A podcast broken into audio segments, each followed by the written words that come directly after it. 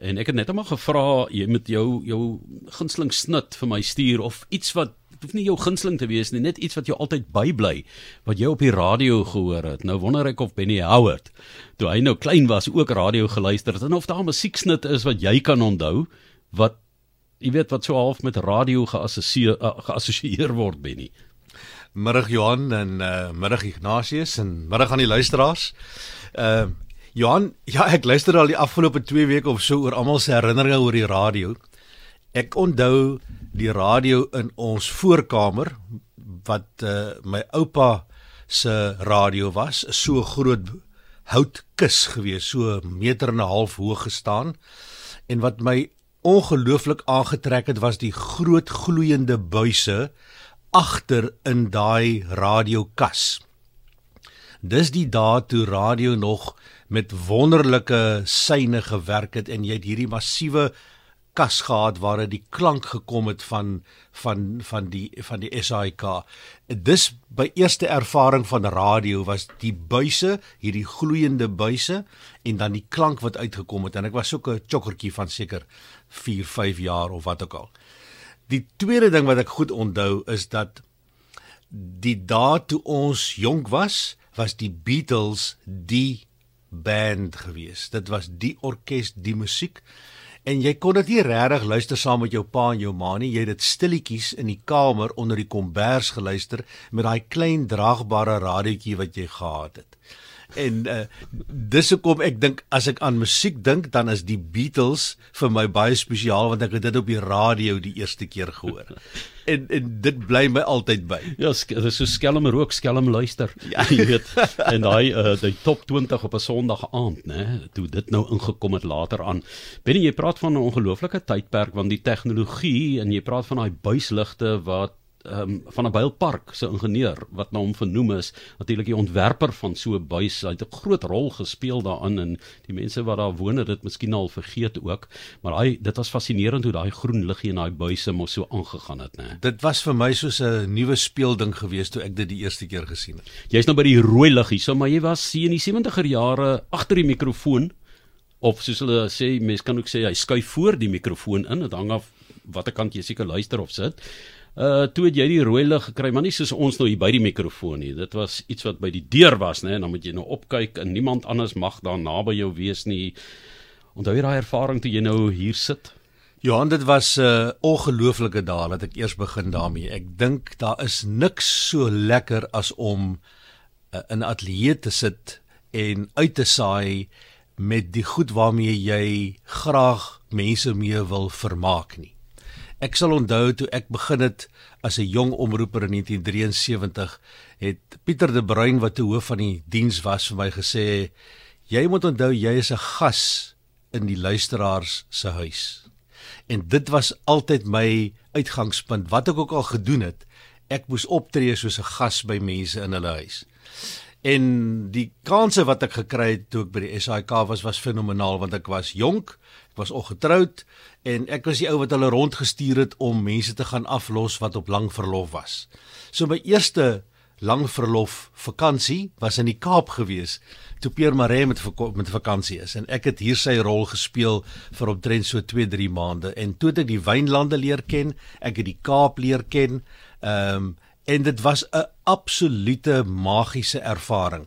Johannesburg se radio en die ou Commissionerstraat se uitsaai gebou en die ateljee's en al die wonderlike mense wat daar gewerk het en uitgesaai het was fantasties. Maar om hier te kom uitsaai in Seepunt reg oor Kadisee dit was 'n belewenis. Jy was in Johannesburg gewees toe hiernatoe vir so 'n uh, tipe van 'n uh, wat noem hulle dit 'n werksvakansie?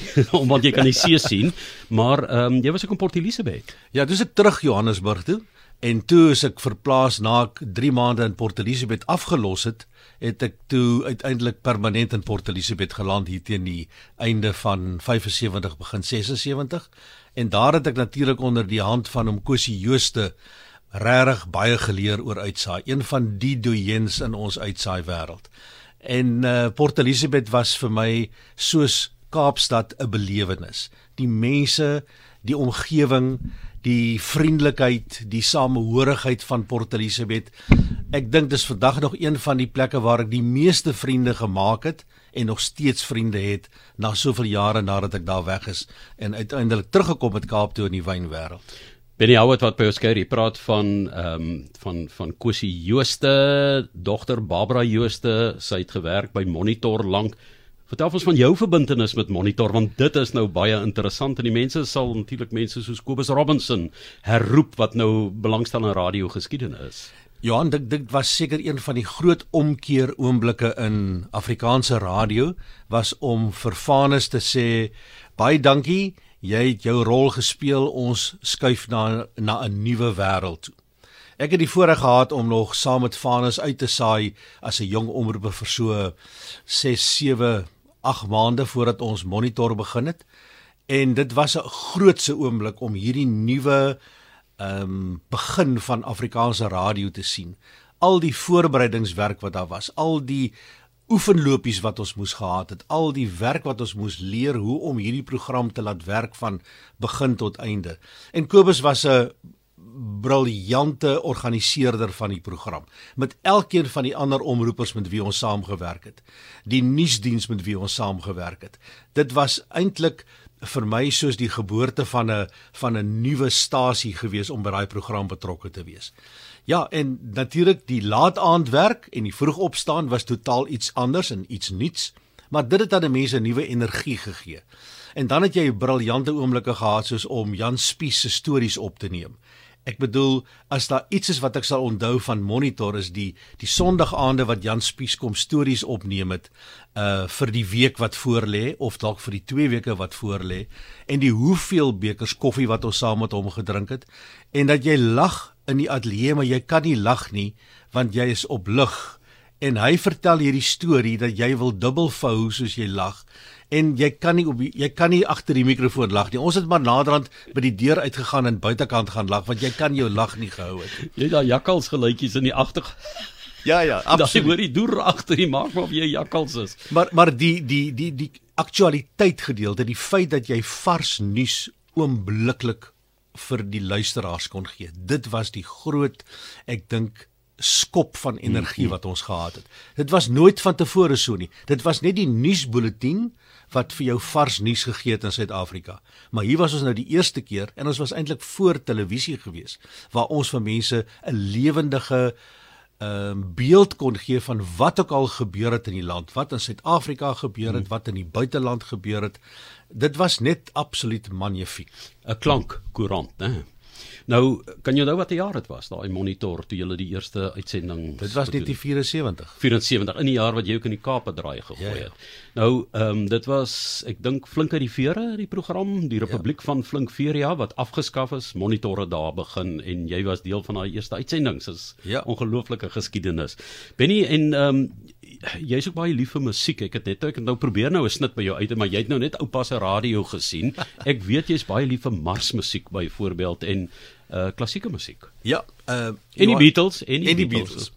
Ehm um, ek dink mense moet miskien sê as jy in die omroepwêreld sit, is die vryheid van musiek seker een van die lekkerste dinge wat 'n mens kan hê. Net soos mense vandag vir my vra wat is jou beste wyn? Kan ek vir jou sê daar is nie regtig die beste musiek nie, maar ek sal altyd as jy nou van marsmusiek praat, sal ek altyd die Radetzky mars onthou. Dit was die een wat vir my gevoel het jy loop op wolke as jy na daai musiek luister. Vertel vir ons van wyn want jy sê jy weet jy het nou dit uh, hier aangespreek. Ehm um, jy is weg van die SAIK in die wynbedryf. Johan, ja, ek was baie gelukkig dat ek was in Port Elizabeth baie betrokke by gemeenskapsgeleenthede en dies meer. Want jy is vlot in Xhosa ook, né? Ja, ek praat goeie Engels, praat goeie Xhosa en dit was vir my lekker om daar die gemeenskap te dien met baie optredes en waar ek gehelp het by funksies en dies meer. En so het ek ook betrokke geraak by van die wynfunksies wat in die Kaap of in Port Elizabeth destyds aangebied is.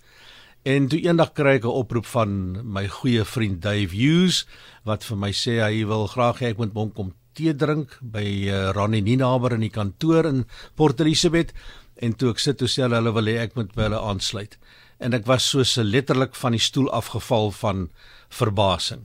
En ek het lank daaroor getwyfel en lank daaroor gepraat met 'n verskeidenheid mense en toe uiteindelik die sprong gemaak vanuit die pratende wêreld van die SAIK en die RSG en die Afrikaanse diens na die wynwêreld waar ek nog steeds baie praat oor wyn.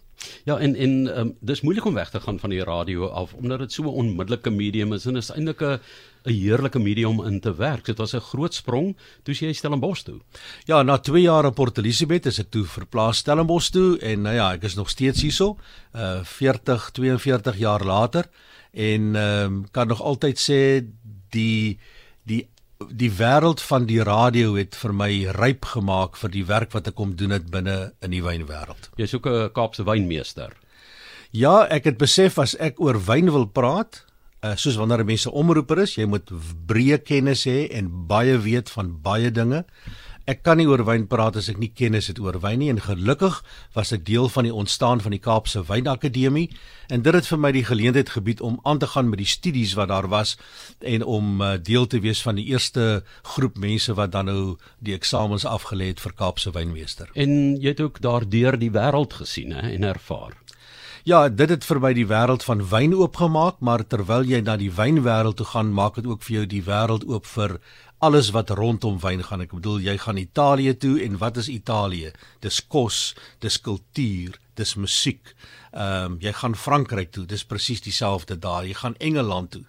Ehm um, Londen is 'n stad van enige mense drome as jy wil uh deelneem aan al die aktiwiteite wat daar is in Londen van wyn tot kos tot opera tot uh musikale blyspele en wat ook al. So dit het vir mense die wêreld oopgemaak, verseker.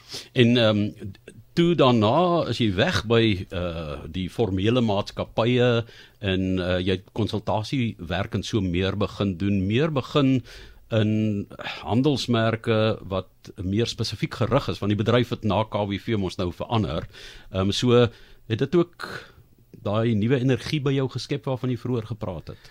Johan verseker, ek wil daarom net sê dat ek dink daar was 'n ongelooflike maatskappy met die naam van Stellenbosch Boerewynmakery wat vandag deel is van Destel wat vir my geleenthede geskep het, maar wat ook vir my mentors gegee het om te weet waaroor om te praat en te doen met wyn.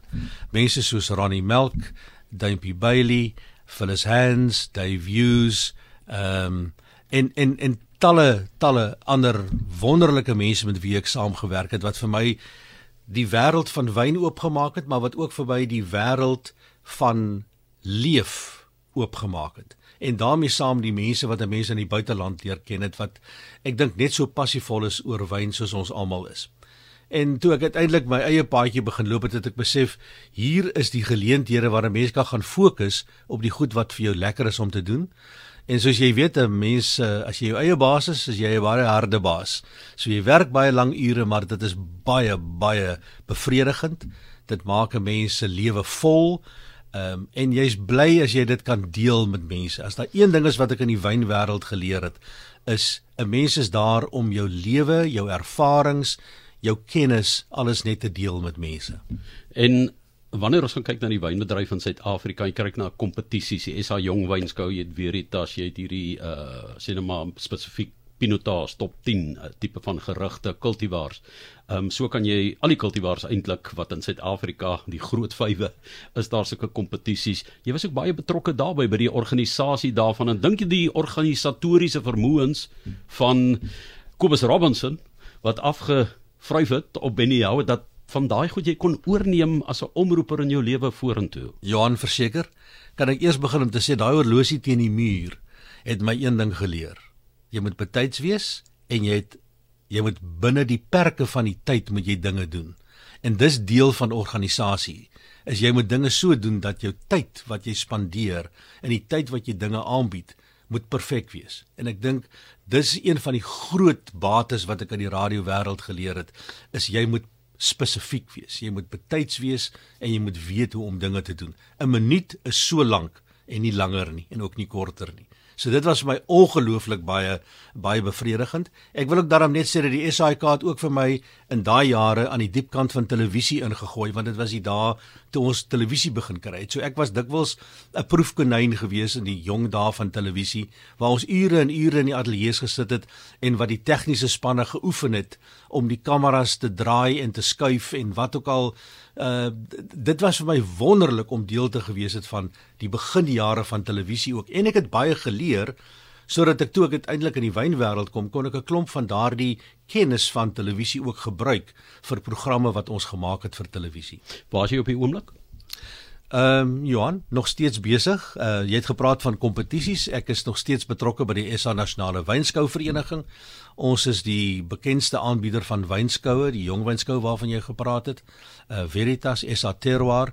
Ek is betrokke by 'n klomp van die ander organisasies. Ehm um, wat vir my belangrik is is om my tyd te kan deel en om my kennis te kan deel. En dan moet ek sê dis ook heerlik om goeie wyn te drink en om goeie kos te eet. Ons het juis gister so 'n briljante ete in Stellenbosch gehad waar ons my goeie vriend Duimpie Bailey wat 'n jaar en 'n half gelede oorlede is, se lewe gevier het met die bekendstelling van een van die oudste wyne in Suid-Afrika wat 90 jaar oud is met 'n briljante Magnum 1.5 liter wyn. Ehm uh, sjoe.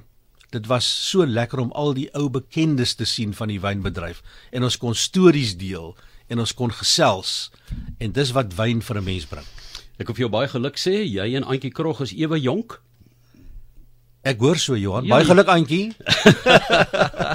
so dankie dat jy by ons kom inloer. Dis Benny Howard. Ek weet hy het nog 'n vuur in hom wat brand vir die bedryf waarna hy nou is. Hy's nog steeds lojaal teenoor radio. Altyd wanneer ons mekaar raakloop uh by verskeie geleenthede, dan kom daai passie van jou. Dit het nooit eintlik uh, verdwyn nie. Dis nie geblus nie en jy het dit eintlik net oorgeskakel dan in ander beroepe. Dankie vir die lekker kuier. Dis Benny Howard wat hier by ons kom inloer het.